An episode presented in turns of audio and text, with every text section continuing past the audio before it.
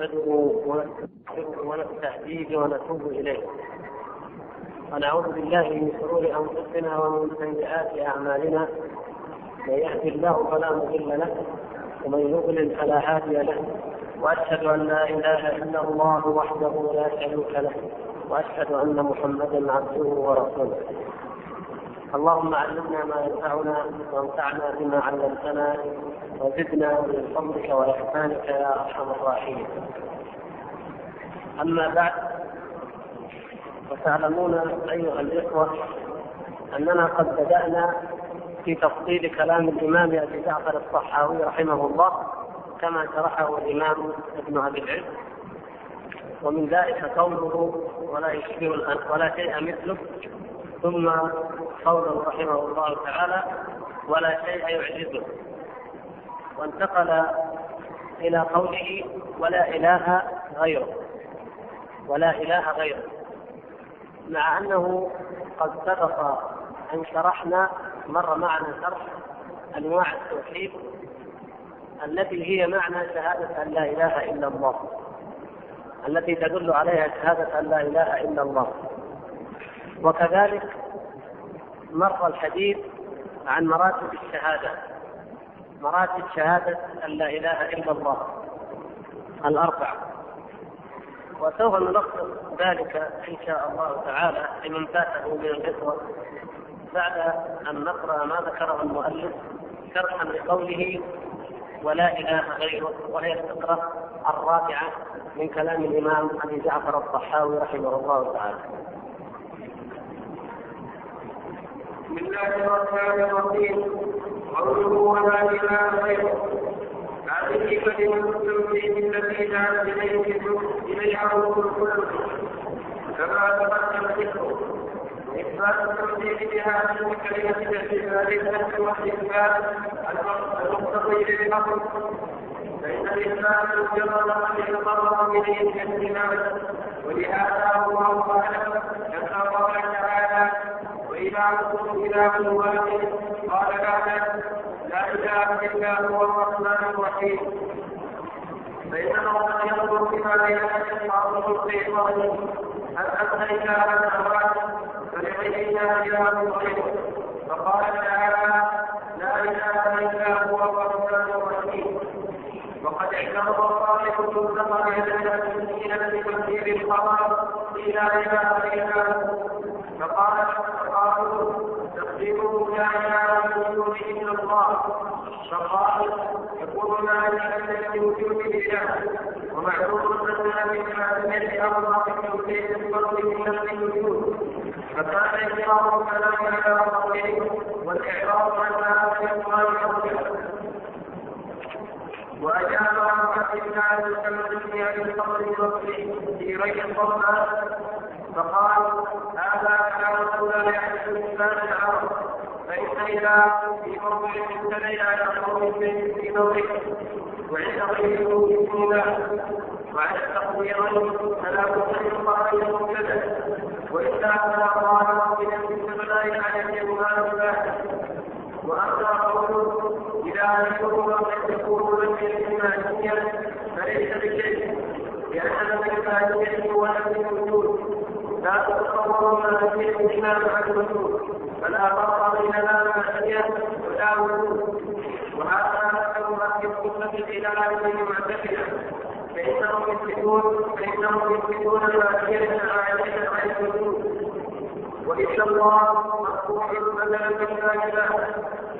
لا يكون خبر اله ولا يكون لك وذكر الدليل على ذلك وليس المراد هنا ذكر الإعراب بل المراد رد الإسلام الثابت على المساله بالله وبيان أنه من المعتزله وهو ثابت فإن قوله الذي فإن قوله الذي ليس تقليدا لأن العدم ليس بالشيء قال تعالى وقد خلقت من قبل ولم تكن شيئا ولا يقال ليس قوله غيره كقوله إلا الله. لأن غيره اعراض باعراض من واقع ما لله فيكون التقدير بالقبل بما واحدا فلهذا ذكرت هذا الانسان وجوابه وجوابه هنا هنا المبحث ذو شقين. الجانب الأول أو الشق الأول يتعلق بمعنى لا إله إلا الله وبأهميتها والجانب الآخر يتعلق بإعرابها وما أثاره بعضهم أو اعترض به في الإعراب. إعراب لا إله إلا الله. نحن كما ذكر المؤلف رحمه الله لا يهمنا الإعراب والخلاف في الإعراب أو الخلاف في التقدير. المهم هو معرفة حقيقة لا إله إلا الله. لكن مع ذلك لابد أن نشرح هذا الكلام بقدر ما نستطيع من التبسيط والتقريب حتى يفهمه الإخوة جميعا إن شاء الله. لو بقي أحد ما فهم هذا الكلام لا شيء عليه، ما يضر شيء أنه لم يفهم الفرق بين التقدير وبين عدم التقدير والفرق بين أن يكون التقدير هو نفي الماهية أو نفي الوجود. أقول هذا لا يضرنا الحمد لله حتى لا يقول أحد الإخوة أنا ما استطعت أن استوعب هذا الكلام. لكن مع ذلك أرجو أننا نوفق إن شاء الله بإذن الله اننا نبسط ونوضح إلى القدر الذي تفهمونه جميعا إن شاء الله.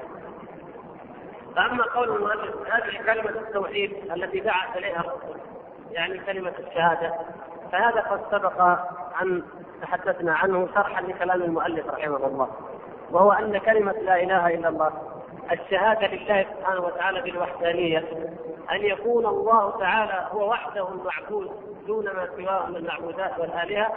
هذا هو ما جاءت به جميع الرسل ودعت إليه أقوامه. أو ملوك عليه السلام هم الأمة الوحيدة التي كانت دعوتها إلى ترك الفاحشة وإلى التقوى والإيمان بالله سبحانه وتعالى. ولكن مرد ذلك إلى أن هؤلاء القوم كانوا موحدين. قوم لوط كانوا موحدين ولكنهم كانوا يرتكبون الفاحشه وإلا فعموم قوله تعالى ولقد بعثنا في كل أمة رسولا أن اعبدوا الله واجتنبوا الطاغوت يدخل فيه لوط وغيره. فإن التوحيد يدعى إليه الموحد أيضا. لكن قد يأتي نبي كما هو الحال في لوط عليه السلام أو يأتي أي داعية من الدعاة إلى ناس من أهل التوحيد يرتكبون منكرا ظاهرا فيكون هم دعوته يكون همه ومحور دعوته القضاء على هذا المنكر وإن كان أقل من الشرك. ومع ذلك لا لن يغفل ولا ينبغي لأي داعية أن يغفل جانب الألوهية والدعوة إلى تصحيح توحيد الألوهية وهو أنه لا معبود إلا الله سبحانه وتعالى. لا يجوز صرف أي نوع من أنواع العبادة من الدعاء أو الرجاء أو الخوف أو النذر أو الرغبة أو الرهبة أو المحبة أو الخشوع أو الذبح أو نحو ذلك من أنواع العبادات لا يجوز أن تصرف إلا لله وحده. وكذلك الطاعة والتسليم والانقياد في التحليل وفي التحريم واتباع الأمر أيضا لا يكون ذلك خالصا إلا لله سبحانه وتعالى وحده. فالمراد هو أن هذا هو ما دعا إليه الأنبياء وهو توحيد الله تبارك وتعالى وإثبات الوحدانية له سبحانه وتعالى. كل نبي جاء إلى قومه قال له اعبدوا الله ما لكم من إله غيره. جميع الأنبياء قالوا ذلك وإن كان كما سبق إن كان بعضهم أو بعض الدعاة قد يدعو ويجعل محور دعوته أمرا بعد ذلك إذا كان التوحيد متحققا ولكن بعض لوازمه غير متحققة كالمجتمع الذي تكثر فيه المنكرات وتنتشر مع وجود قدر القدر المطلوب من التوحيد موجودا. ومع ذلك فإن هذا من مقتضيات التوحيد ومن لوازم التوحيد وهو الانقياد لأمر الله سبحانه وتعالى. والكلمة بغض النظر عن الإعراب الناحية الإعرابية. كلمة لا إله إلا الله. هذه مكونة من ركنين كما تعلمون. ما هما الركنان؟ النفي لا إله والإثبات إلا الله. ومن هذا الركنين يتكون معنى أعم وأبلغ وأدق من المعنى المثبت بدون نفي. لو قلنا الله الإله أو الإله الله فقط من دون النفي والإثبات لا ما كان لم يكن أدق ولا أبلغ من قولنا لا إله إلا الله. ولذلك يقول المؤلف مثلا لما قال الله سبحانه وتعالى وإلهكم إله واحد. هذه الآية جاءت إثبات ما فيها نفي وإثبات إثبات فقط. وإلهكم إله واحد. قال عقب ذلك لا إله إلا هو الرحمن الرحيم. فاعقب ذلك بالنفي لماذا؟ كما قال المؤلف لذلك حكمة أنه قد يتبادر خاطر شيطاني. لا يكون هناك استقصاء كليا. لو قال وإلهكم إله واحد قد هذا إلهكم إله واحد. غيركم ما إلهه؟ فتأتي الآية فتنفي هذا الخاطر الشيطاني وتشمل وتعم نفي جميع المعبودات من دون الله.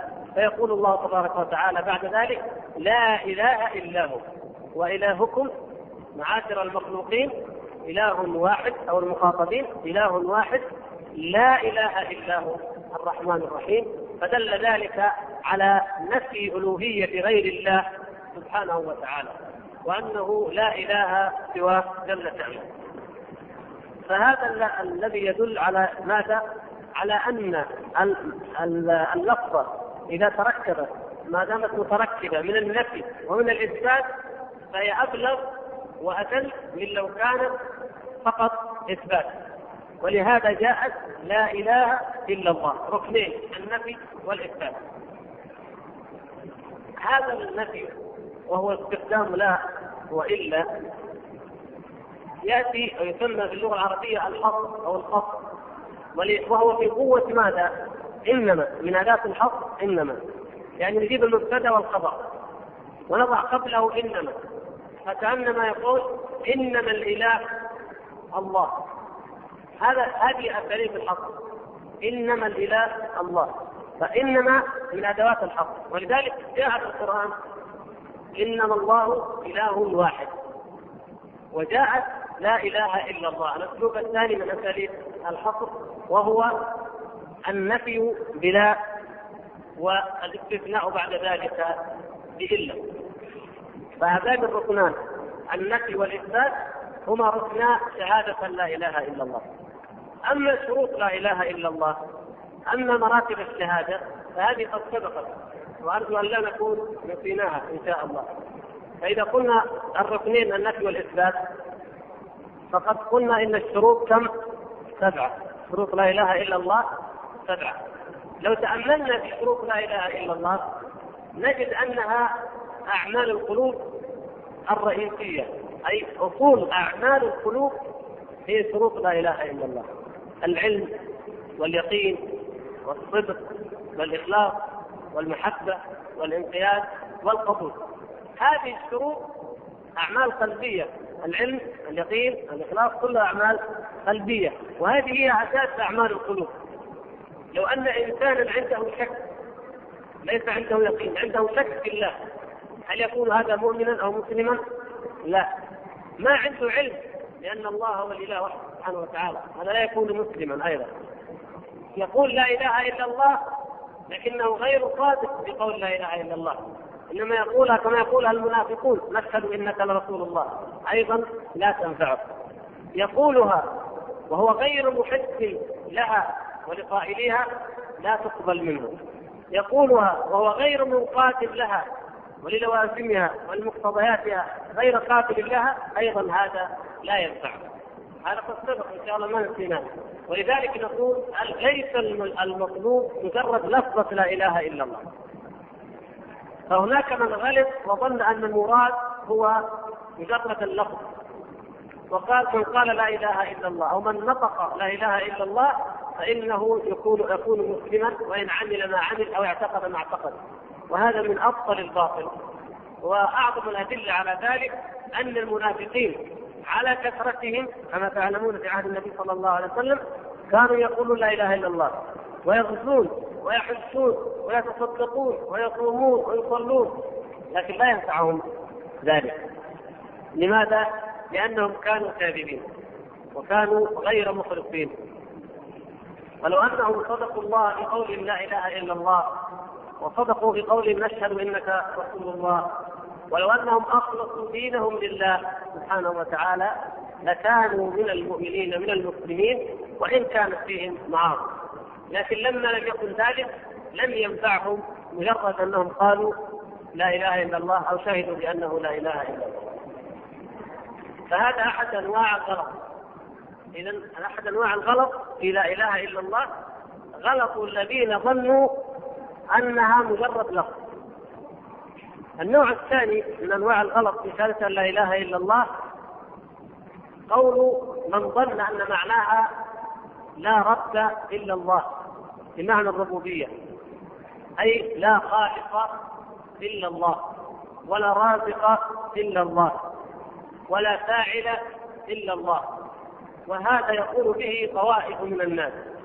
وسبق أن تحدثنا عن ذلك وتحدث عنه الشارع أن هذا قول بعض طوائف من المتكلمين وماذا وبعض الصوفية الذين يقولون إنه لا فاعل إلا الله ولا موجود إلا الله. ومعنى لا إله إلا الله عندهم أنه هو الذي هو الفاعل بكل شيء وأن غيره كالفراغ لا وجود له ولا فعل له ولا تأثير له.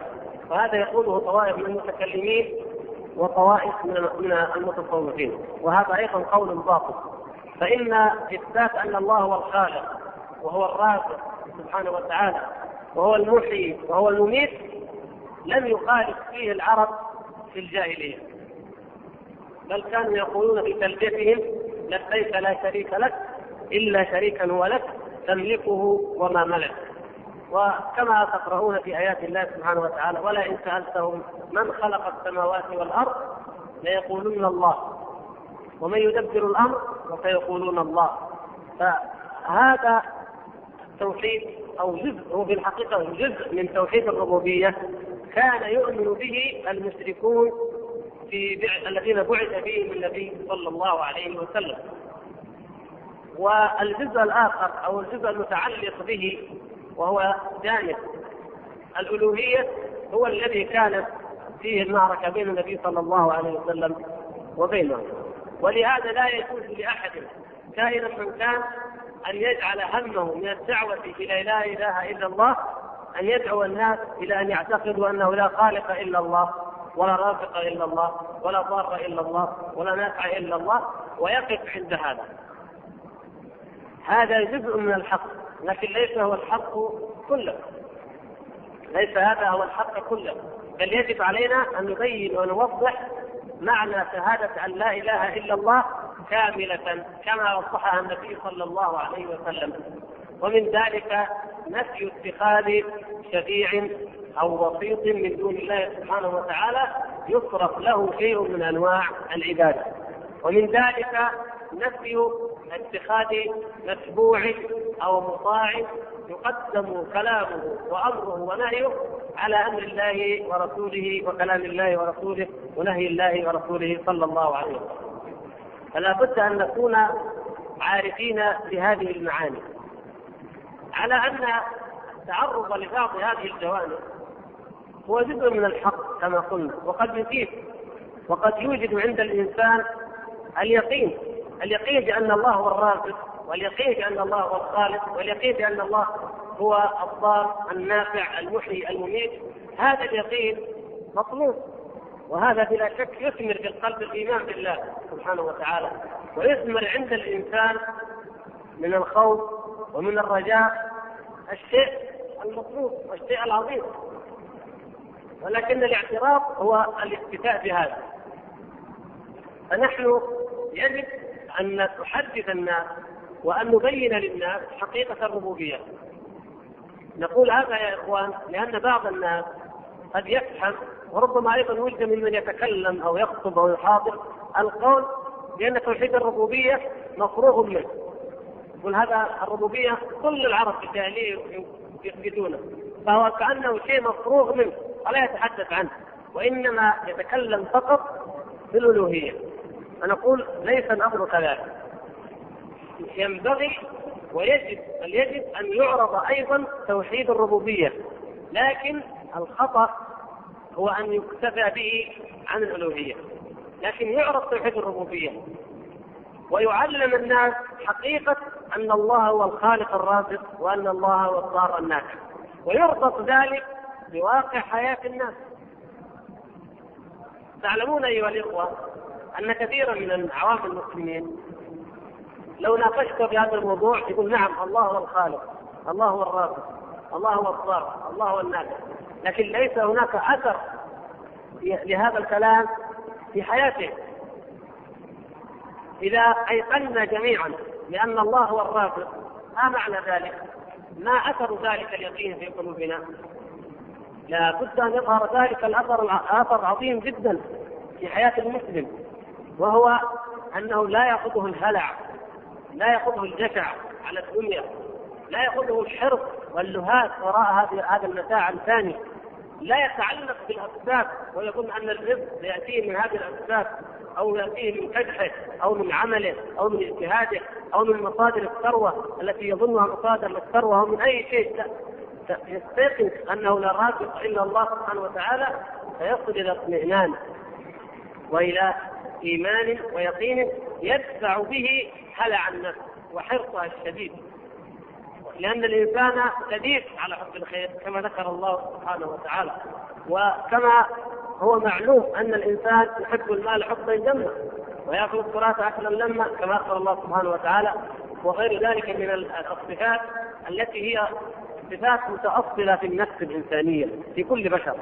فإذا أيقن أن الرازق هو الله سبحانه وتعالى فإنه يزكي نفسه ويطهرها وينقيها من رواتب هذه الصفات السيئة التي هي من صفات غير الموقنين من صفات غير الموقنين بالله وغير الموقنين بأن الله هو الرازق وحده سبحانه وتعالى لا شريك له وأنه هو الذي بيده الرزق ولذلك فلا يجوز أن تصرف العبادة إلا له سبحانه وتعالى.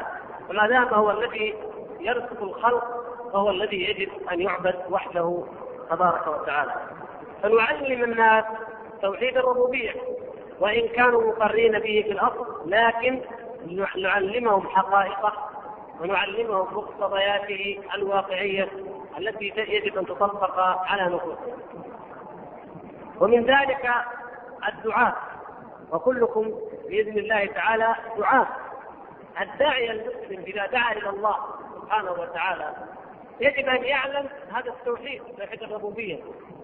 هذه هذا الإيمان فقط الإيمان بأن الله هو الرازق. لو آمن به الدعاء جميعا حق الإيمان لما رأينا الأحجام والتردد في الدعوة. إذا علمت أن الله هو الرازق فإنك تدعو إلى الله وتنكر المنكر وتقول الحق ولا تخاف على رزقك ولا على طعامك ولا على رزق أولادك من بعدك. لأنك تعلم أن الله هو الذي يرزقك وأن الله هو الذي يرزقهم وأن سبيل الدعوة محفوظ بالأذى ومحفوظ بالمخاطر ومنها قطع هذا السبب الذي هو سبب ظاهر جعله الله سبحانه وتعالى مصدرا لرزقه. فكثير من الناس يقول لولا عملي أو لولا رزقي أو لولا وظيفتي أو لولا خشية ان ينقطع راتبي لقلت الحق أو لامرت بالمعروف. أو لدعوت إلى الله فيا سبحان الله هل مثل هذا الإنسان نقول يؤمن حقيقة بتوحيد الربوبية وأنه لا رازق إلا الله؟ طيب لو جاء إنسان ومنع من عبادة الله من توحيد الله من الصلاة إلا إما أن يمتنع عن ذلك والا يمنع منه الطعام ويقطع عنه رزقه هل يستجيب المؤمن؟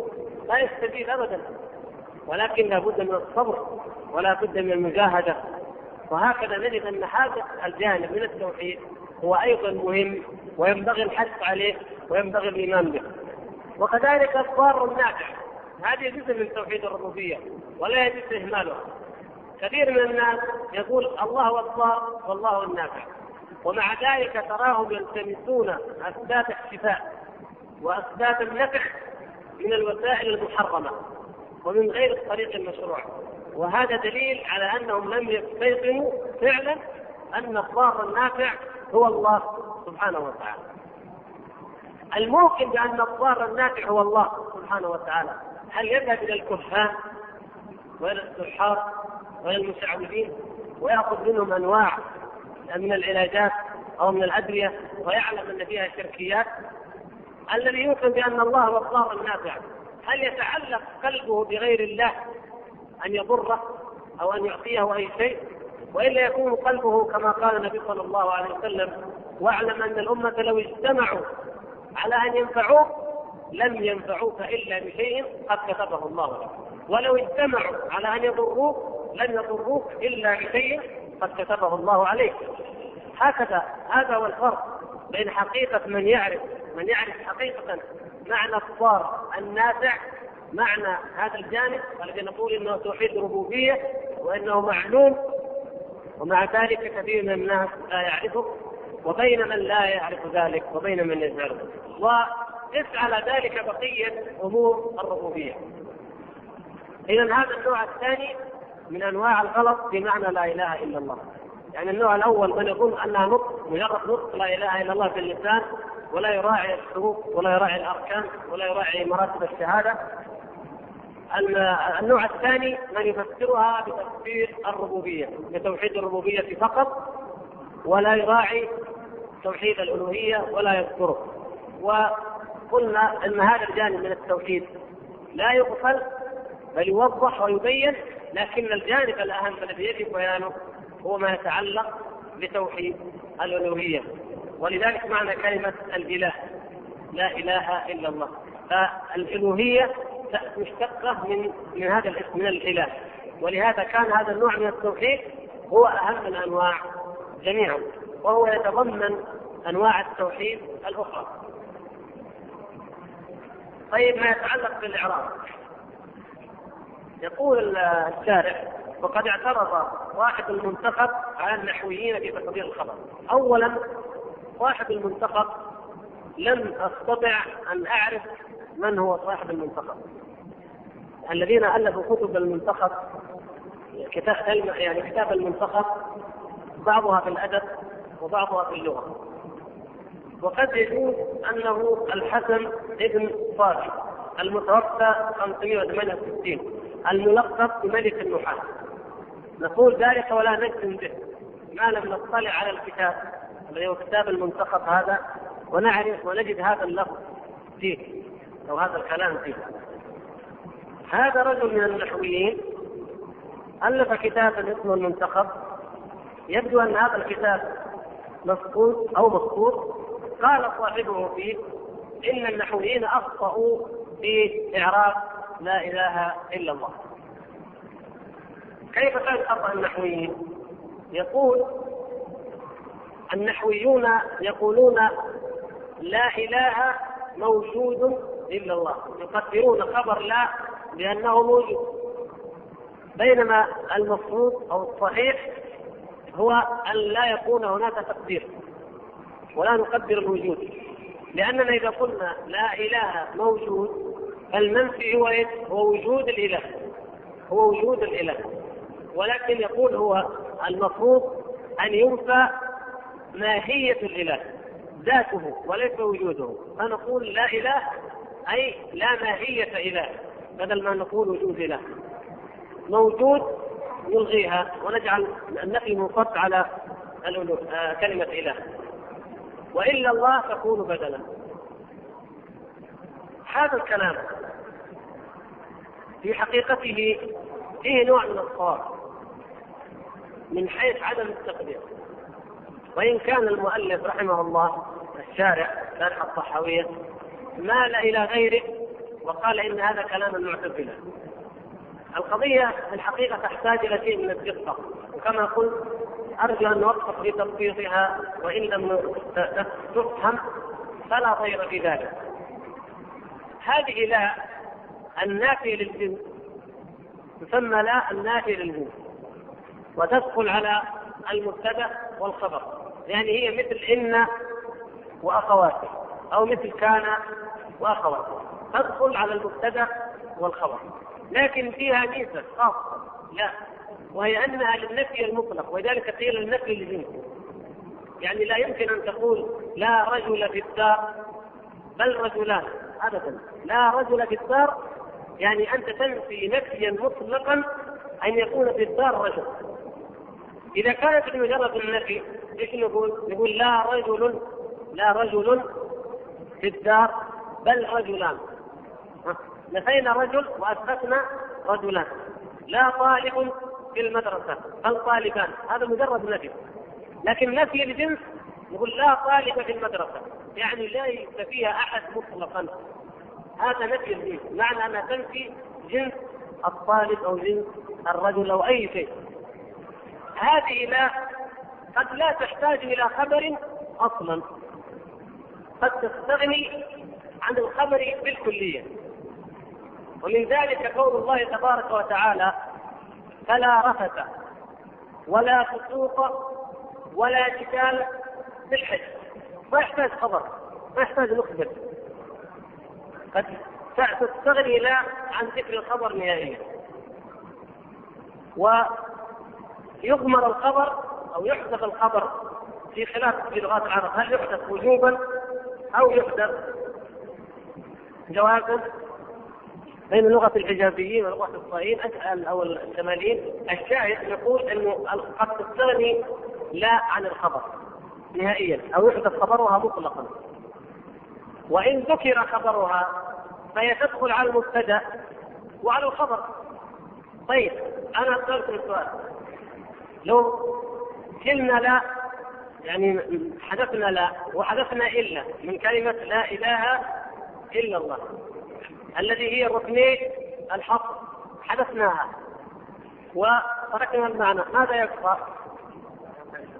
أيوه الإله الله هذا مبتدا وخبر الإله ندخل ال لأنه لا يجوز الابتداء بالنكرة فندخل ال نقول الإله الله المعنى كامل ولا لا؟ كامل. الإله الله. طيب علشان من أجل زيادة في التأكيد. ينفى الجنس نقول لا إله. حذفنا ال لماذا؟ لأن لا نافي للجنس لا تدخل إلا على النكرات فنحذف الألف نقول لا إله إلا الله. اذا هل هل الكلام في تقدير؟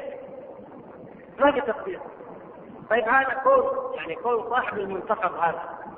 كونه معتزليا أو غير معتزلي لا يجعلنا نخطئه إذا كان قوله صوابا أو قوله حقا. نعم المعتزلة اخطاوا عندما فرقوا بين الوجود وبين الماهيه لكن الرجل كلامه صحيح في قوله طبعا أول كلامه يقول يقول هو إن النحويين قالوا تقديره لا إله في الوجود إلا الله وهذا يكون نفيا لوجود الإله. ومعلوم أن نفي الماهية أقوى في التوحيد الصر من نفي الوجود. يقول هو لا لا نقدر موجود ننفي نفس الماهية ماهية الإله. يقول فكان إجراء الكلام على ظاهره والاعراض عن هذا الاضمار أولى. كلام الأخير صحيح إجراء الكلام على ظاهره والإعراض عن هذا الاضمار أولى هذا الكلام صحيح. لكن كلامه الأول التفريق أي كون العلة العلة في ذلك هي أن نفي الوجود ليس أقوى من نفي الماهيه هذا الكلام خطأ.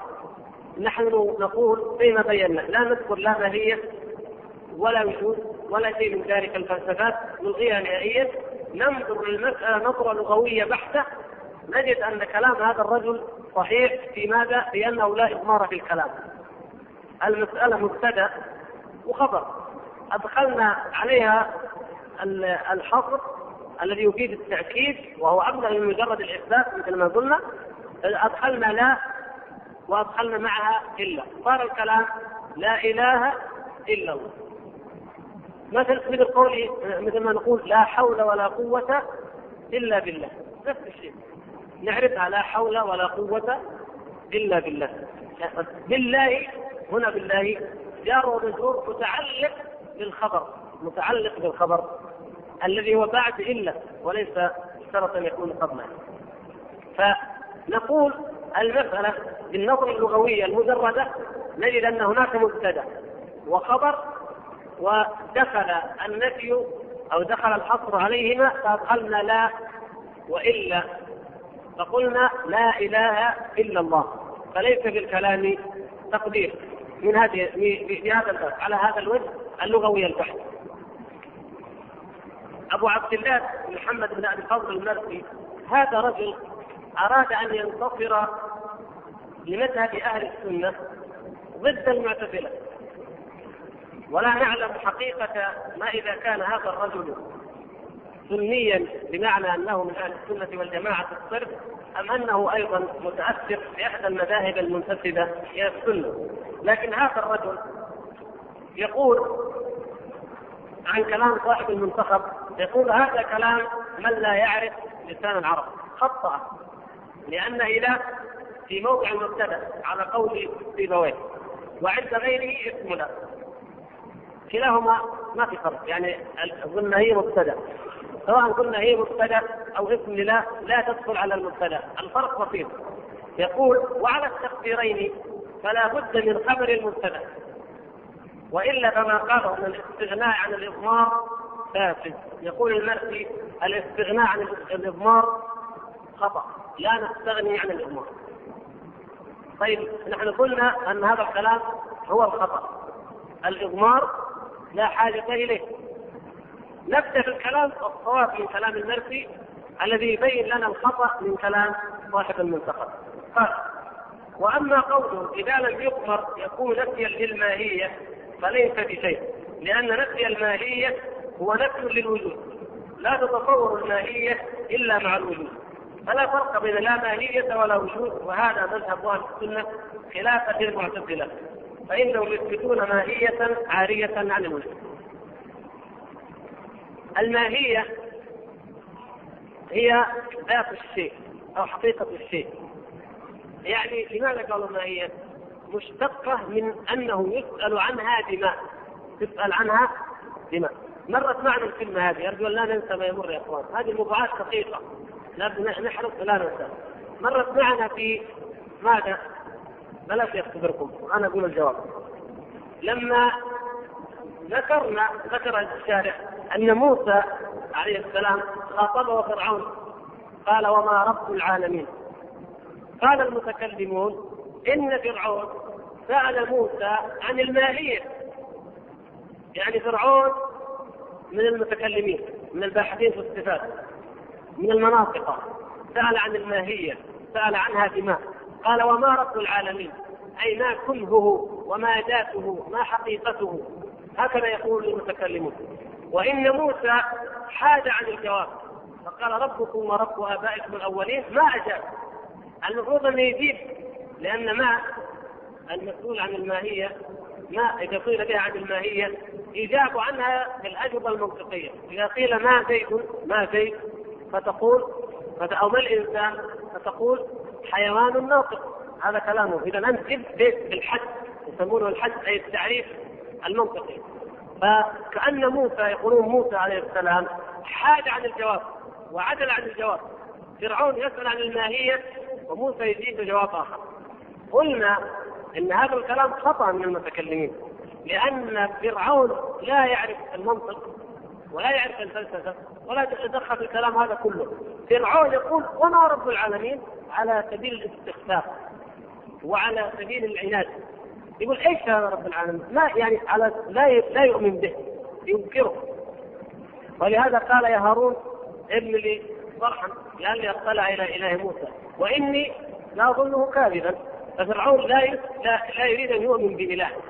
وليست القضية عند فرعون قضية ماهيه هذا الإله أو السؤال عنه بماء وأن فرعون يدري أن المناطق يقولون إن السؤال عن الماهية هو بماء لأن المنطق وإذا سئل بماء الجواب يكون مركب من الجنس ومن الفصل. إلى آخر هذا الكلام ما ما خطر لفرعون على بال ولا حاجة موسى عليه السلام عن الجواب.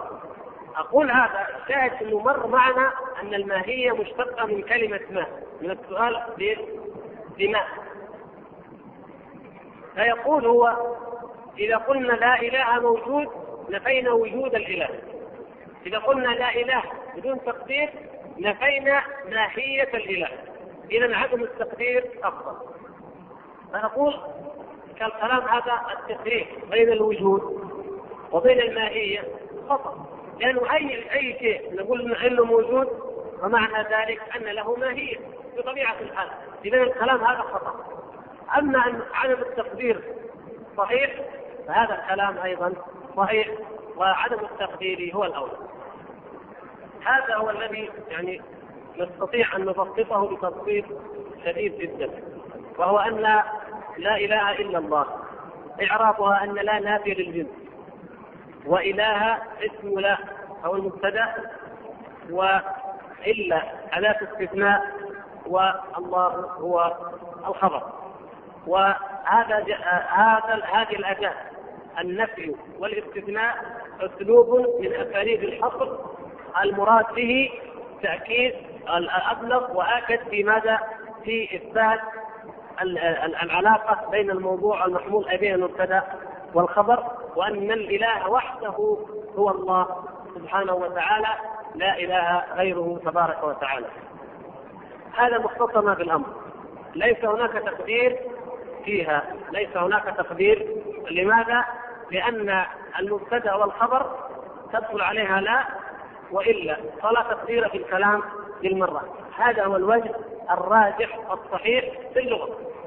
أما من حيث قولهم الفرق بين نفي الماهية ونفي الوجود فنقول إن الماهية هي الوجود وإنه لا يتصور ماهية بغير لا يتصور وجود بغير ماهية ولا ماهية أيضا بغير وجود كما يقول المعتزلة. ونقول قد تخلصنا من هذا الإشكال الذي ذكره الشارح رحمه الله تعالى. ولو أنه لم يذكره لما ضر ذلك شيء.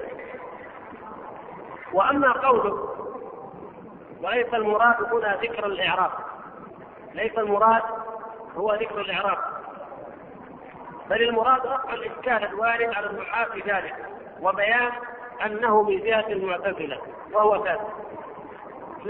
قلنا كون المنتقد من المعتزلة إذا كان انتقاده على صواب وإن كان معتزليا وإن كان فيلسوفا وإن كان متكلما فنحن نتبع الحق حيث كان. ولا يضرنا أن يكون قال أو من قال. لا سيما وأن الموضوع موضوع لغة وليس موضوع دين وإيمان. وأما فيقول إن قوله نفي الوجود ليس تقييدا لأن العدم ليس بشيء. يقول الشارع عندما قال النحاة نفي الوجود. النحاة لما قالوا لا إله موجود فلما نفوا الوجود لم يقيدوا لم يقيدوا النفي بالوجود فقط. حتى نقول إنهم لم ينفوا الحقيقة ولم ينفوا الماهية وإنما نفوا الوجود فقط. وإنما قال ليش؟ لأن العدم ليس بشيء. ما دام العدم ليس بشيء فنفي الوجود هو العدم والعدم ليس بشيء. اذا ما الذي يقيده؟ مطلق. ليس هناك شيء يقيده. فليست كلمة في الوجود قيدا أبدا. وإنما نفي أن يكون شيء في الوجود هو عدم. والعدم لا قيد فيه بإطلاق لأنه عدم وهو ليس بشيء. كما قال الله تعالى وقد خلقتك من قبل ولم تك شيئا. ولا يقال ليس قوله غيره كقوله إلا الله. أيوة. إذا قلنا نشيل كلمة إلا. ونقول بدل ما نقول لا إله إلا الله نقول لا إله غيره. طيب لا إله غيره. يقول المؤلف لا نقول إن غير مثل هذه مثل إلا الله. في الحقيقة أن كلامه هنا خطأ بل الواقع أنها مثلها. أن المعنى هو واحد. لماذا؟ لأن كلمة غير الله غير الله في قوة لا إله إلا الله. لا إله غير الله أو لا إله إلا الله. لكن كلمة غير نفيها بذاتها هي. كلمة غير نفيها في ذاتها. هي تنفي الشيء الآخر. وأما لا إله إلا الله فنفيها من ماذا؟ من لا.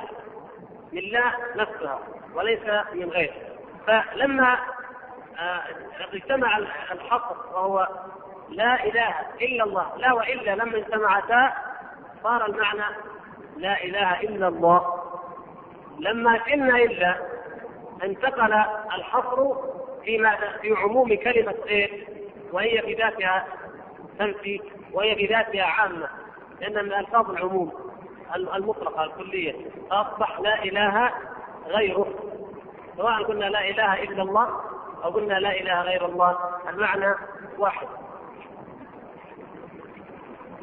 هذا هو ملخص ذلك وأرجو أن يكون اتضح إن شاء الله.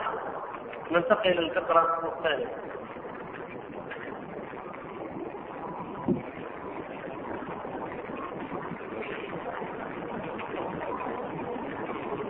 قوله قديم ابتداء دائم دائم انتهاء قال الله تعالى هو الأول والآخر. وقال صلى الله عليه وسلم اللهم أنت الأول فليس قبلك شيء وأنت الآخر فليس بعدك شيء فقول الشيخ قديم بلا ابتداء دائم بلا انتهاء هو معنى اسمه الأول والآخر. والعلم بثبوت هذين الوصفين مستقر في الفطر. فإن الموجودات لا بد أن تنتهي إلى واجب وجود لذاته قطعا للتسلسل فإنا نشاهد حدوث الحيوان والنبات والمعادن وحوادث الجو كالسحاب والمطر وغير ذلك وهذه الحوادث وغيرها ليست ممتنعة. فإن الممتنع لا يوجد ولا واجب الوجود بنفسها فإن واجب الوجود بنفسه لا يقبل العدم. وهذه كانت معلومة ثم وجدت. فعدمها ينفي وجودها. وجودها ينفي امتناعها. وما كان أخي على طريق الحق. هنا منتصف الشريف. له فلا أجل وعتمه فلا الوجود فليس له من نفسه وجود ولا عدم ذلك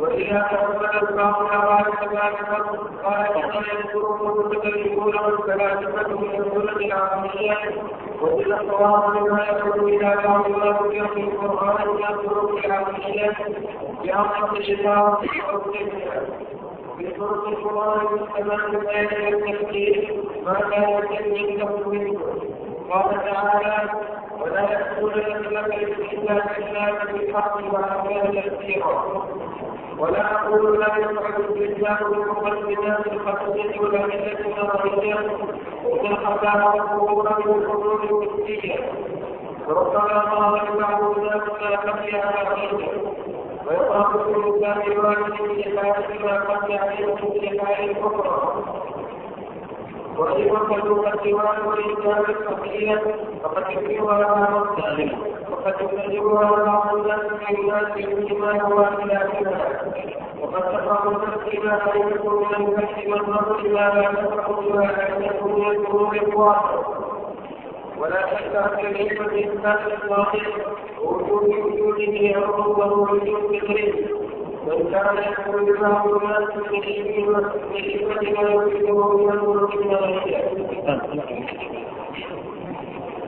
انتقل الشارح رحمه الله إلى قول الإمام أبو جعفر الطحاوي رحمه الله تعالى قليل بلا ابتداء دائم بلا انتهاء. الإمام أبو جعفر الطحاوي في هذه العقيدة يريد أن يرد على الطوائف الضالة وأن يأتي بكلام مبسط وواضح يعتقده يعتقده المسلمون ويفهمونه. ويقول قديم بلا ابتداء دائم بلا انتهاء وهذا من المعاني الضرورية الفطرية عند الناس بحق الله سبحانه وتعالى. إلا أن اللفظ لفظ القديم هذا إطلاقه على الله تعالى خطأ. وهذا سيأتي في آخر كلام الشارح وهو أنه لم يرد من أسماء الله سبحانه وتعالى القديم وإنما الذي ورد بدل هذه العبارة في القرآن بدل قوله قديم بلا ابتداء دائم بلا انتهاء ورد ما هو اجلى وأخطر وأعظم وهو قول قول الله تبارك وتعالى هو الأول والآخر هو الأول والآخر والظاهر والباطن وهذا هو هذا. اصح الإطلاق هو اصح بل هو الواجب لأنه هو الذي ورد في كتاب الله سبحانه وتعالى. هو ابلغ لأنه هو الدرجة العليا في الفصاحه والبلاغة. وجاء تفسير ذلك في قول النبي صلى الله عليه وسلم في الحديث أو في ذكر الدعاء قبل النوم اللهم أنت الأول فليس قبلك شيء وأنت الآخر فليس بعدك شيء. هذا هو الذي يسميه البلاء المتكلمون قطع التسلسل. التسلسل في الأول وكذلك في الآخر. فهم يقولون آه، يمتنع أن يكون لله سبحانه وتعالى بداية كان قبلها عدما. وكذلك يمتنع أن يكون له نهاية ويكون بعدها عدما. فقالوا اذا نقول التسلسل ممنوع في الأول وممنوع في الآخر. وهذا الكلام جاء في القرآن وفي السنة بأوج بيان وأفضله فقال الله تعالى هو الأول والآخر وقال النبي صلى الله عليه وسلم اللهم أنت الأول فليس قبلك شيء وأنت الآخر فليس بعدك شيء. وهذا يغني عن كلام الفلاسفة والمناطق والمتكلمين. لكن يقول الشيخ هنا يعني يريد أن يدل أو يثبت ذلك من واقع كلامهم. هم فكلامهم كلام المتكلمين كلام الفلاسفة كما قد سبق أن شرحنا أن الفلاسفة ينظرون إلى الوجود من حيث أنه ثلاث أقسام. واجب الوجود أو ممتنع الوجود أو ممكن الوجود. فيقولون هذه لا يوجد أي موجود إلا وهو يخضع لأحد هذه الأقسام الثلاثة. أو ال ال ال ال الأقسام الثلاثة تحوي كل متعلقات الوجود. فان الأشياء إما واجبة واجبة الوجود بذاتها وإما ممتنعه الوجود لذاتها وإما ممكنة الوجود والعدم. فيقول المؤلف نستدل على هذا أو بهذه الأدلة نفسها على أن الله سبحانه وتعالى لا أول لوجوده. فنقول إن هذه المخلوقات المشاهدة لا شك أنها لوجودها بداية بدليل أننا نراها وجدت قبل أن لم تكن موجودة.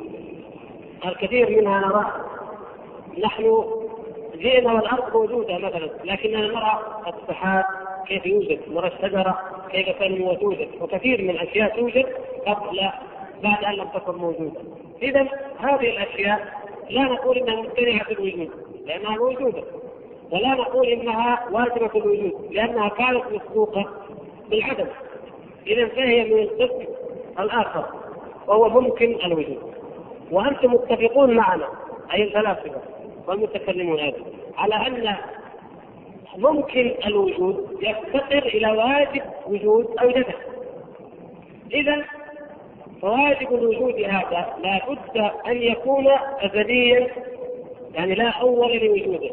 لأنه إذا كان لوجوده أول أصبح من جملة الموجودات من جملة الممكنات التي تحتمل الوجود والعدم. اذا ثبت في الدليل العقلي من كلامكم أنتم ومن نظرياتكم أنتم أن الله سبحانه وتعالى لا أول لوجوده وهذا أو لا بداية له يعني هذا مثل ما قطعه النبي صلى الله عليه وسلم قال لا يزال الشيطان يأتي أحدكم فيقول هذا خلق الله حتى يقول له من خلق الله فإذا رأى ذلك ذلك فليستعذ بالله. يشاهد انه هذا هذا الكلام لا ميزان له في العقل.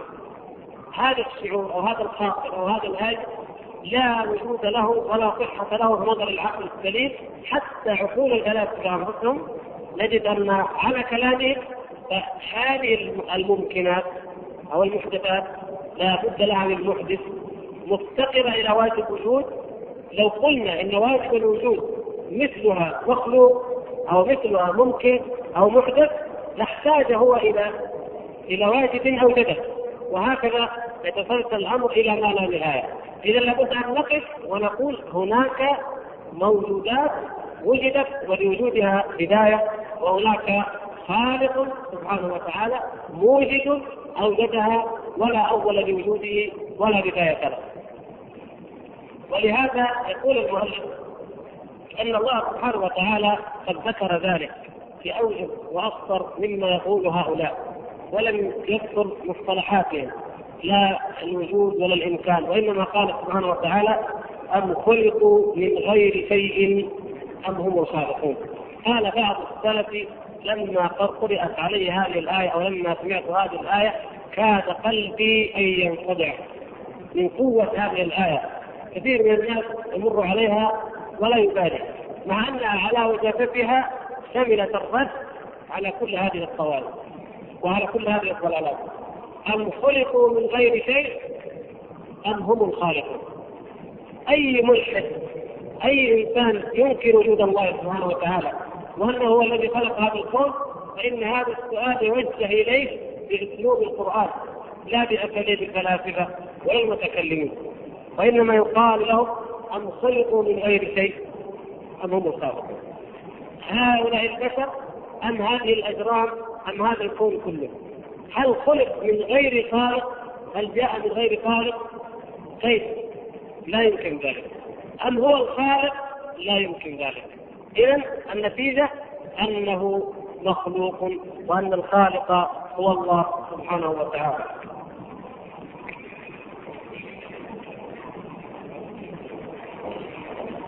فنقول هذه الآية تدل على نفي أن يكون لله سبحانه وتعالى أو يكون غير الله سبحانه وتعالى يشارك الله في أنه لا بداية لوجوده وأنه هو الأول. الأول من أسمائه سبحانه وتعالى وهو بدلا من قوله هنا قديم. وسيأتي كلام الشارع في معنى القديم وفي اطلاق القديم على الله سبحانه وتعالى. لكن يقول الشارع الشاهد مثل هذه الآية ومثل هذا الحديث أننا نعرف أن المتكلمين ما يأتون به من طرق ومن مقدمات عقلية. الحق من هذه المقدمات والصواب من هذه المقدمات قد جاء به الكتاب والسنة في اوجب عبارة وأبلغ. مثل ما قالوا وهذا القول حق إن هذه هذا الموجود ممكن والممكن مفتقر إلى واجب وجود واجب وجود الأول لا كلام حق غايته حق. لكن لماذا هذا المصطلحات ولماذا هذا الخفاء ولماذا هذا الطول؟ وقد جاء بالقران ما هو اوجب منه وأفضل. لكن يقول المؤلف ولا نقول لا ينفع الاستدلال بالمقدمات الخفية والأدلة النظرية. لا يعني هذا كلامنا هذا لا يعني أن نعترض على أي واحد يستدل بمقدمات أو بكلام خفي وهذا قد سبق أيضا المعنى عنه. لماذا؟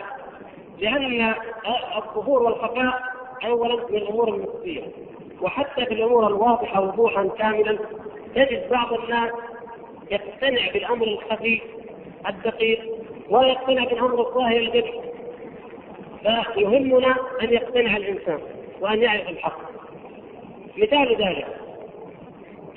إذا جاء واحد وقال أنا أستدل على عظمة الله عز وجل ومن آيات الله سبحانه وتعالى بخلق الإنسان أن الله تعالى جعل له العيون وجعل له الفم وأعطاه الاعضاء وأعطاه السمع والبصر وأعطاه كذا وأعطاه كذا.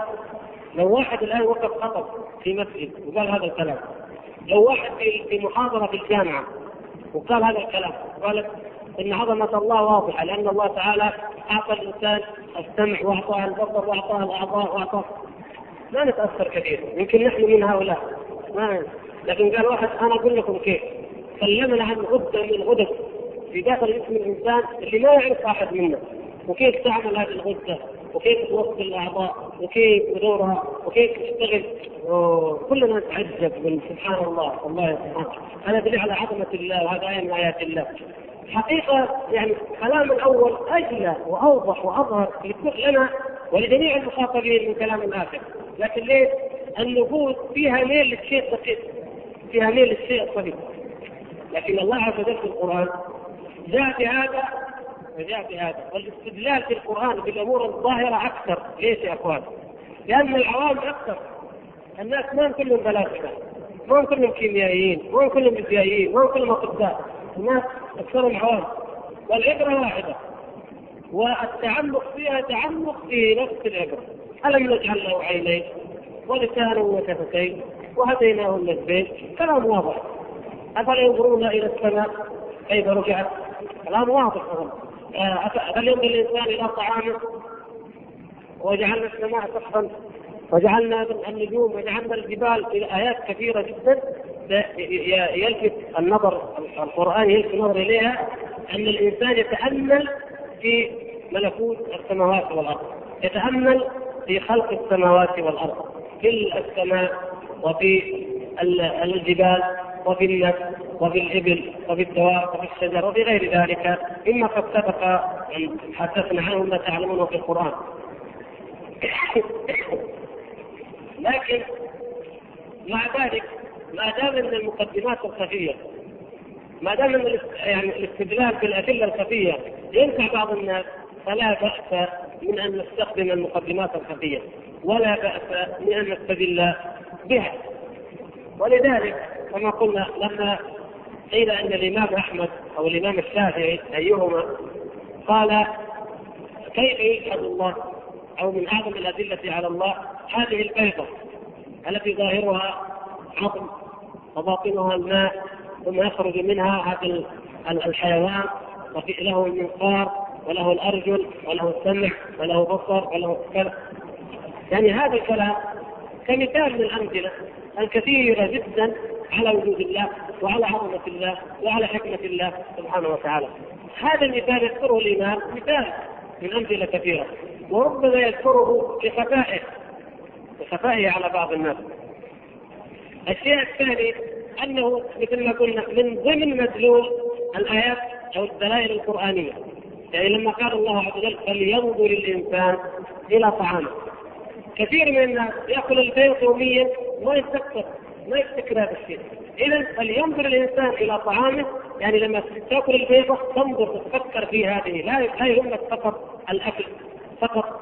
اذا ما الفرق بين الإنسان وبين الحيوان؟ الذي يهجم على أي شيء يأكل ولا يفكر إيش اصل الشجره إيش تركيبها كيف المهم يأكل ويشبع بس لا.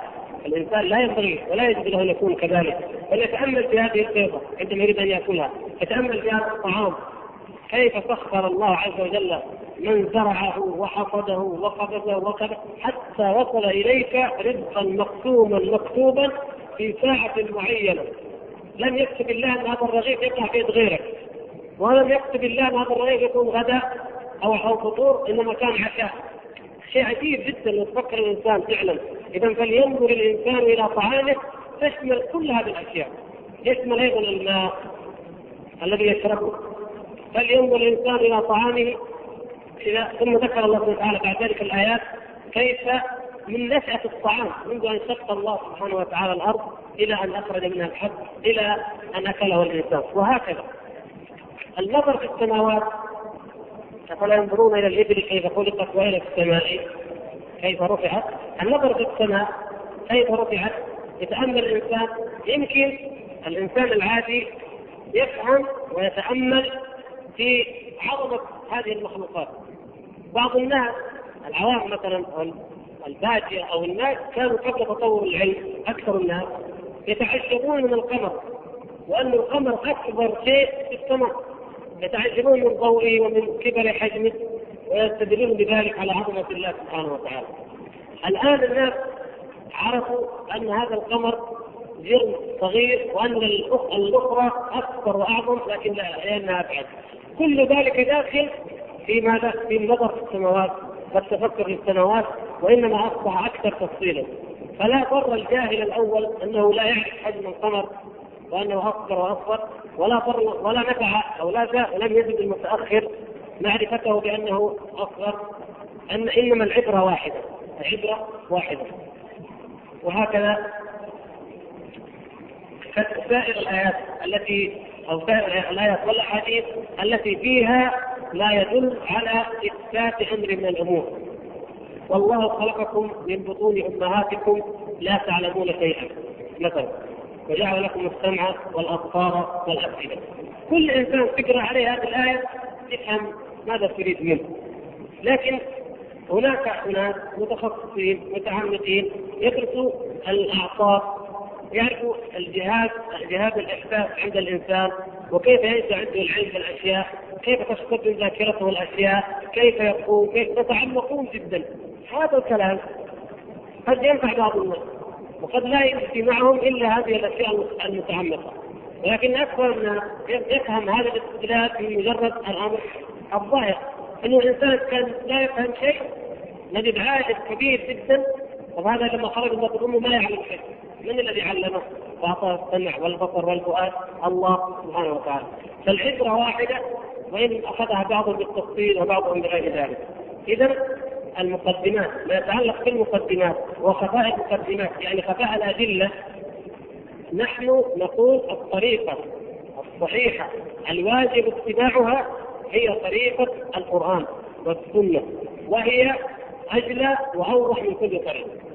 لكن مع ذلك لو استخدمت طريق أخرى أقل جلاء أو طريق خفية ودلت على المراد الذي دل عليه الكتاب والسنة فلا بأس بها تعاضد ذلك أو تعينه.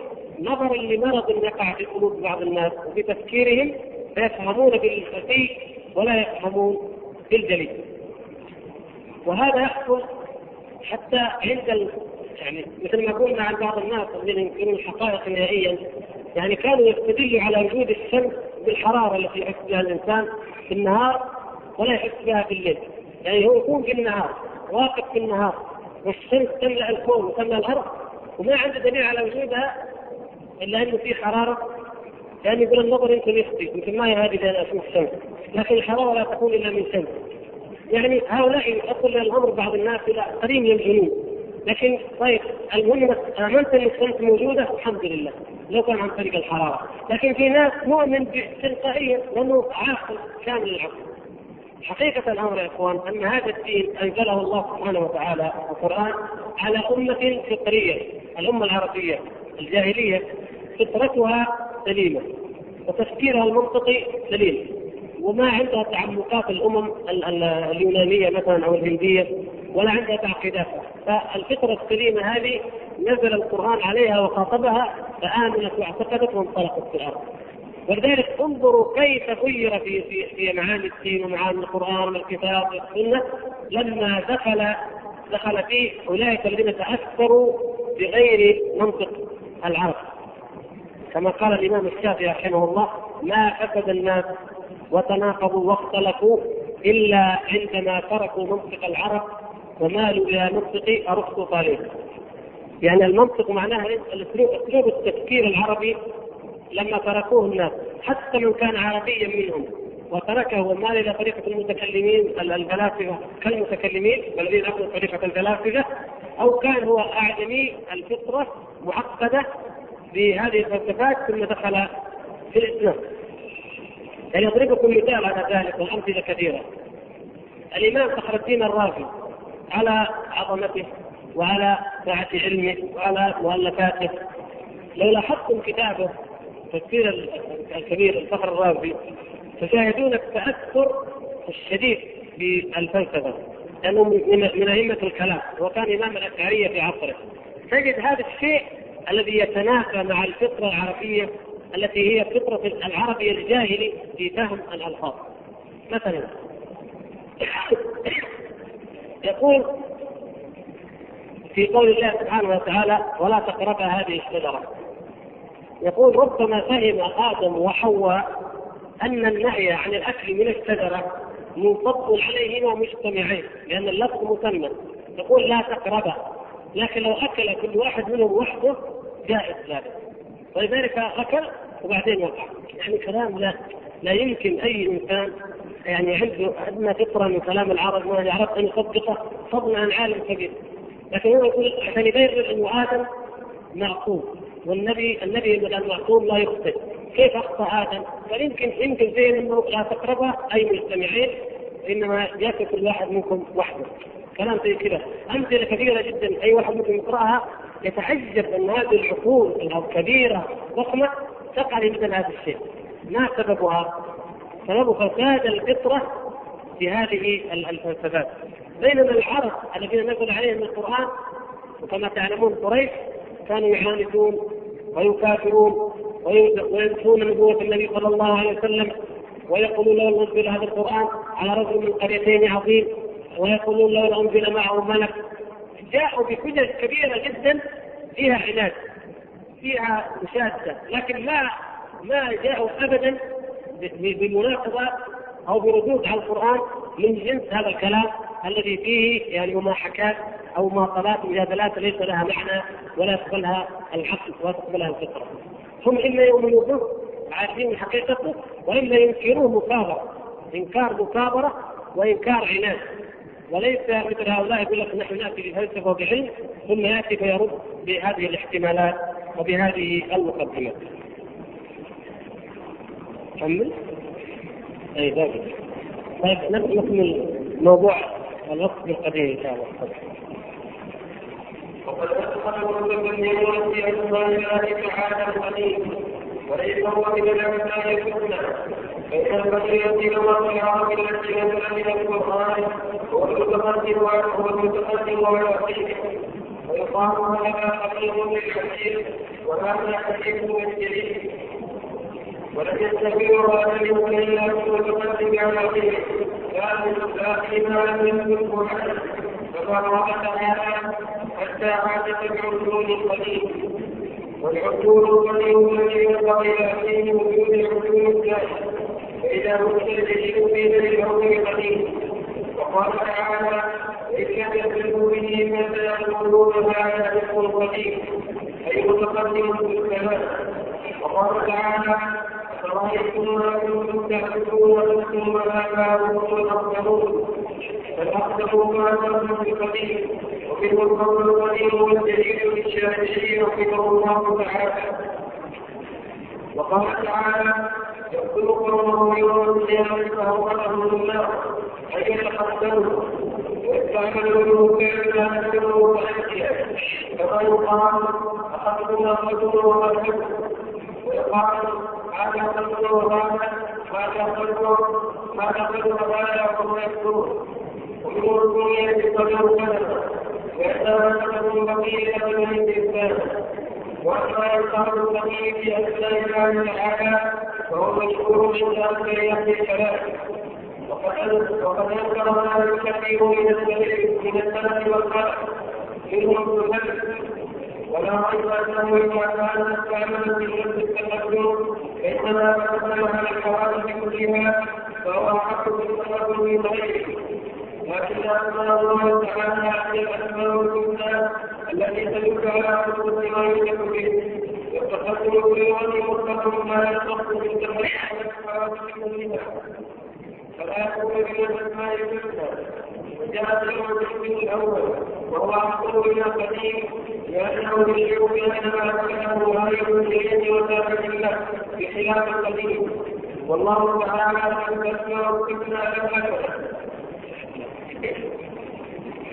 لما قال الإمام الصحابي رحمه الله تعالى قديم بلا ابتداء دائم بلا انتهاء وأخذ الشارع يشرح ذلك تحدث عن إطلاق وصف القديم على الله سبحانه وتعالى. هل من أسماء الله الحسنى القديم؟ أما ما ذكره أحد الإخوة جزاه الله خير يقول إن اطلاق لفظ القديم على الله خطا كما تقولون في قول ابن القيم رحمه الله قد أطلق على الله بالقصيده النونية أطلقه على الله بالقصيده النونية. وأن بعض أهل العلم فسروا فقالوا لفظ القديم يطلق على الله على صيغة الخبر لا على صيغة الإنشاء. القديم ليس من أسماء الله تعالى الحسنى ولكن لا حرج من إطلاقه كخبر هذا الاخ جزاه الله خيرا فاهم القضية. والذي الحديث الذي تحدثنا الذي قلت وقال الشارح هنا هو أنه ليس من اسمائه ليس من الأسماء. الكلام عن كونه من الأسماء. أما الإطلاق أما أن يطلق يخبر عنه به يطلق عليه فهذا قد يكون للمعنى الصحيح الذي يحتمله. أو هو يجوز لأنه يدل على معنى صحيح. لكن أما من حيث أنه اسم من أسماء الله فلا يجوز. الكلام في كونه اسما من أسماء الله. الإمام الطحاوي رحمه الله أراد أن يبسط الموضوع. قال قديم بلا بلا بلا ابتداء. يريد أن أن يوضح حقيقة الأزلية. ويوضح الحقيقة الأزلية فاستخدم لفظة مفهوما عند الناس وفسرها. قال بلا ابتداء. لماذا؟ لأن القديم في كلام العرب هو الشيء المتقادم. البعيد العهد وإن كان له بداية. لكن الشارع رحمه الله قال قديم بلا ابتداء. فكلام عن المؤلف الطحاوي كلام الإمام الطحاوي هنا هو مثل ما تفضل الاخ هو إخبار فقط مجرد إخبار لم يسمي الله قديما وإنما أخبر فقط. قال قديم بلا ابتداء حتى لا يدخل في الوهم أنه القديم في اللغة العربية الذي يكون له بداية وإن كان قديم العهد لكن الكلام المؤلف هنا كما ترون لم ينتقد الإمام الطحاوي لم يقل وقد أخطأ الإمام لأنه جاء باسم قديم لأنه ما ذكر الاسم وإنما هو استطراد لبيان الحقيقة في ذلك وهو أن احدا يأتي ويقول لماذا ما ما حكم إطلاق اسم القديم على الله؟ لأن القديم من أسماء الله بدليل أن الصحاوي يقول قديم بالابتداء صاحب العقيدة الصحاويه فيكون الجواب عليه انه لا قوله قديم بالابتداء هذا خبر أطلقه عليه. أما القديم المستخدم في كتب علم الكلام وهم يقولون القديم والمحدث المحدث فهذا هو الذي يمتنع. مثل ما في عبارة الجنيد العبارة المشهورة تنسب إلى الجنيد لما سئل ما التوحيد؟ قال التمييز بين القديم والمحدث. وغير ذلك كثير في كلام الصوفية وفي كلام المتكلمين. يطلقون كلمة القديم بمعنى الله. يقول المؤلف رحمه الله المتكلمون الذين ادخلوا اسم القديم من أسماء الله مخطئون في ذلك. لأن القديم في لغة العرب يطلق على الشيء البعيد العهد وحين وقد يكون له بداية. وإن كان له بداية ولا يختص بما لا بداية له.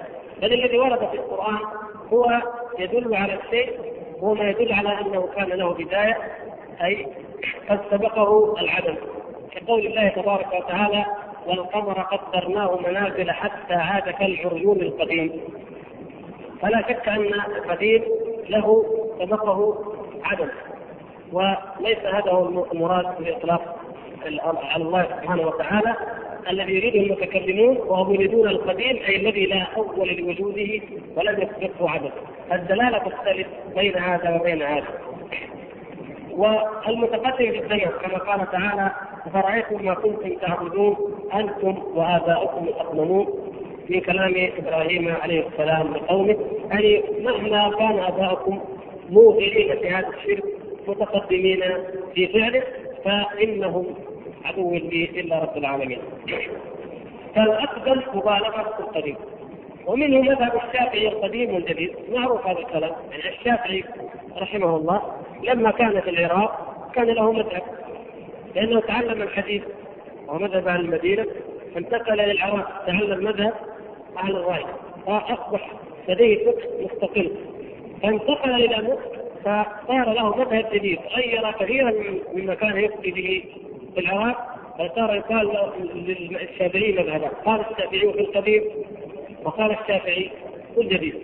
وهذا من اعظم الأدلة على أنه لا يجوز أن يقلد رجل في كل كلامه ويؤخذ جميع ما يقول. لأنه هو حتى الإمام رضي الله تعالى عنه رجع عن بعض ارائه فله شيء في القديم وشيء في الجديد. إذا القديم إيش معنى؟ ما تقدم الجديد. المقصود ما تقدمه غيره. لا ما لم يثبته عدم لا ليس هذا هو هذا واضح يعني من الكلام.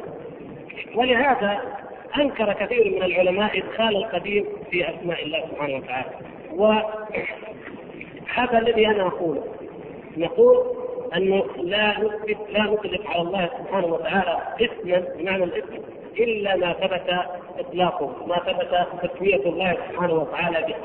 أما مجرد إطلاق بدون تسمية مجرد إخبار فهذا يجوز أو قد يتساهل فيه. تتساهل انك تخبر مجرد خبر لا أن تسمي الله سبحانه وتعالى اسما بغير ما أنزل في الكتاب ولا في السنة. والدليل ذلك يقول الشارح معنى كلامه الاخير أن الأسماء أسماء الله حسنى وليست حسنة. كيف يعني الحسنه؟ الحسنى أعظم وأعلى من مجرد قلنا أنها أسماء حسنة. فقولنا بأنه متقدم على الحوادث كلها فهو احق بالتقدم من غيره. هذا معنى حسن معنى حسن وهذا الذي يريده المتكلمون. ولهذا يسمون الله تعالى القديم لكن الحسنى الأحسن تأنيث الأحسن إيش؟ حسنى فالأحسن من ذلك الأول الذي جاء في القرآن. لأنه يدل على أعظم من مجرد أنه متقدم على الحوادث. مجرد إنه قبل ما توجد المخلوقات كان موجود هذا معنى حسن. الله موجود قبل ان توجد المخلوقات معنى حسن. لكن الله له الأسماء الحسنى. أعظم من ذلك أن نقول هو الأول هو الأول. فليس قبله شيء. هو أعظم من مجرد إنه متقدم عليه. دلاله اسم الأول أعظم. بدليل أنه قد يأتي يدخل بذلك معاني كثيرة فإنه يدخل بذلك أنه هو سبحانه وتعالى أنه خالقها. قد نقول فلان أقدم من فلان أو قديم بالنسبة لفلان دون ان يكون هو الذي أوجده. لكن في حق الله عز وجل لا. الأول هو الذي أوجد هذه المخلوقات سبحانه وتعالى. أما كلمة القديم فإن غاية ما تدل عليه أنه متقدم عليها في الوجود. هذا هو فقط. فلذلك لا يطلق على أسماء الله سبحانه وتعالى إلا لا نطلق أو لا نسمي الله سبحانه وتعالى إلا بما ثبتت تسميته به، أما في الاطلاقات فقد يتساهل في ذلك إذا كان المعنى حقا وكان المعنى صحيحا، لكن لا نعزل عما جاء في القرآن والسنة إلا على سبيل الشرح أو الإيضاح. هذا هو الأفضل والأولى.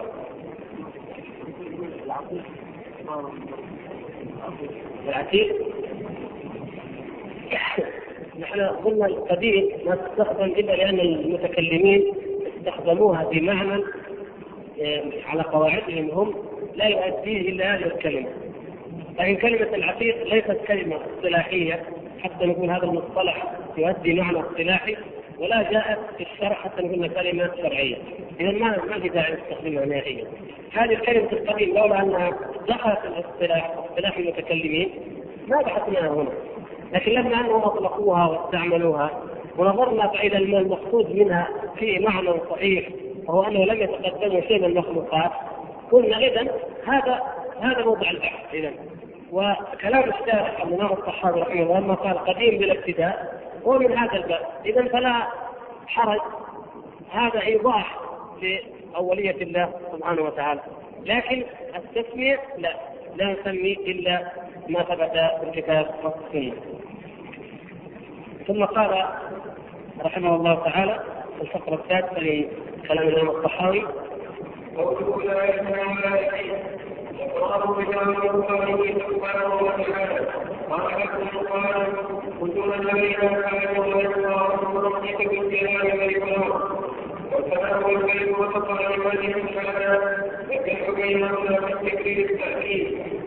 وهو أيضا قدر مؤكد بقوله يحيي من الكلام